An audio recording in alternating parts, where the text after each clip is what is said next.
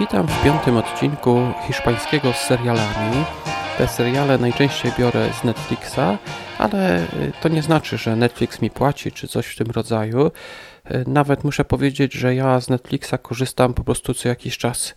Y, biorę sobie subskrypcję, oglądam sobie kilka ciekawych seriali i potem kasuję moją subskrypcję aż do czasu, kiedy pojawi się tam coś ciekawego.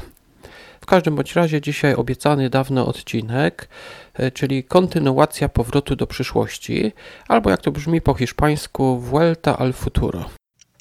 Vuelta al futuro.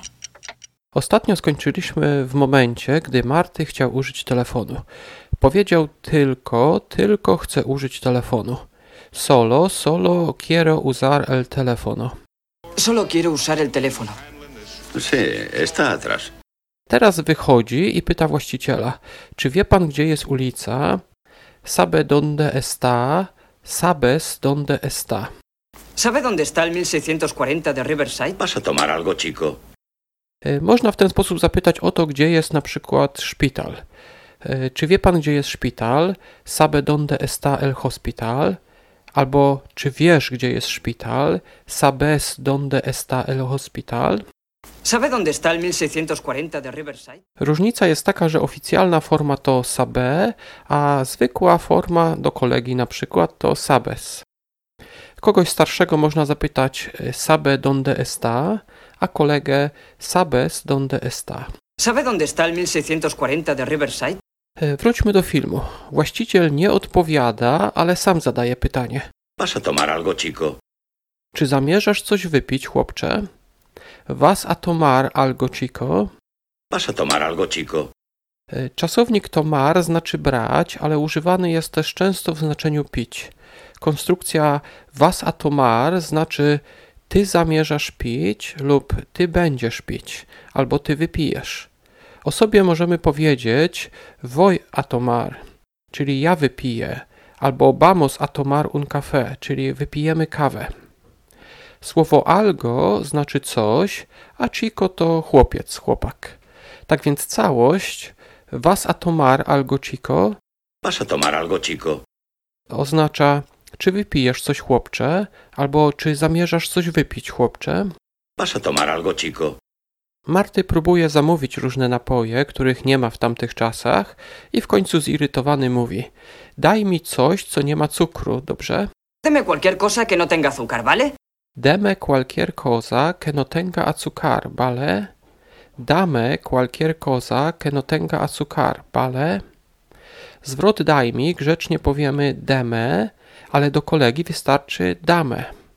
Słowo cosa to rzecz, a cualquier cosa to dowolna rzecz. Zwrot no tenga azúcar znaczy nie ma cukru. I na końcu mamy pytanie bale, czyli pytanie dobrze albo ok. W całości brzmi to deme cualquier cosa que no tenga azúcar, ¿vale? Deme cualquier cosa que no tenga azúcar, ¿vale? E, Później właściciel podaje mu kawę mówiąc coś bez cukru, Algo sin azúcar. algo sin azúcar. Algo sin azúcar. Słowo algo, czyli coś już pojawiło się wcześniej, podobnie azúcar, czyli cukier. Algo sin azúcar. Nowe słowo to sin, które znaczy bez. Tak więc algo sin azúcar znaczy coś bez cukru. Algo sin azúcar. Wtedy wchodzi Biff i pyta: Co robisz? ¿Qué es lo que estás haciendo? ¿Qué estás haciendo? ¿Qué es lo que estás haciendo? Rozmowa oczywiście Biffa z ojcem Martiego jest dłuższa, ale dziś może jeszcze jedno zdanie na sam koniec. Ostatnie zdanie to będą słowa właśnie Biffa. Eh, hablo contigo, McFly, insecto irlandés. Hablo contigo, McFly, insecto grande. Eh, hablo contigo, McFly, insecto irlandés. Y, Można to przetłumaczyć jako mówię do ciebie, McFly, wielki robalu. Hablo to mówię.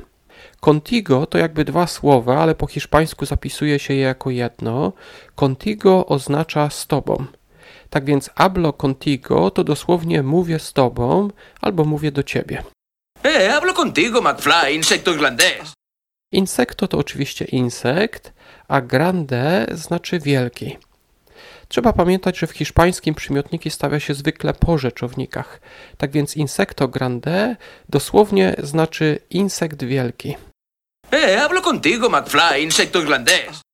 I to by było na tyle na dzisiaj. Posłuchajmy na koniec wszystkich dzisiejszych zdań.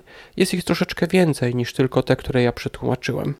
Solo quiero usar el teléfono. Sí, está atrás. ¡Fenómeno! ¡Estás vivo! ¿Sabe dónde está el 1640 de Riverside? ¿Vas a tomar algo, chico? Eh, sí. Deme, deme una Fanta. ¿Fanta? ¿Qué demonios es una Fanta? Bueno, pues deme una Pepsi Sin. ¿Sin qué? ¿Sin pagar? Aquí todo se paga.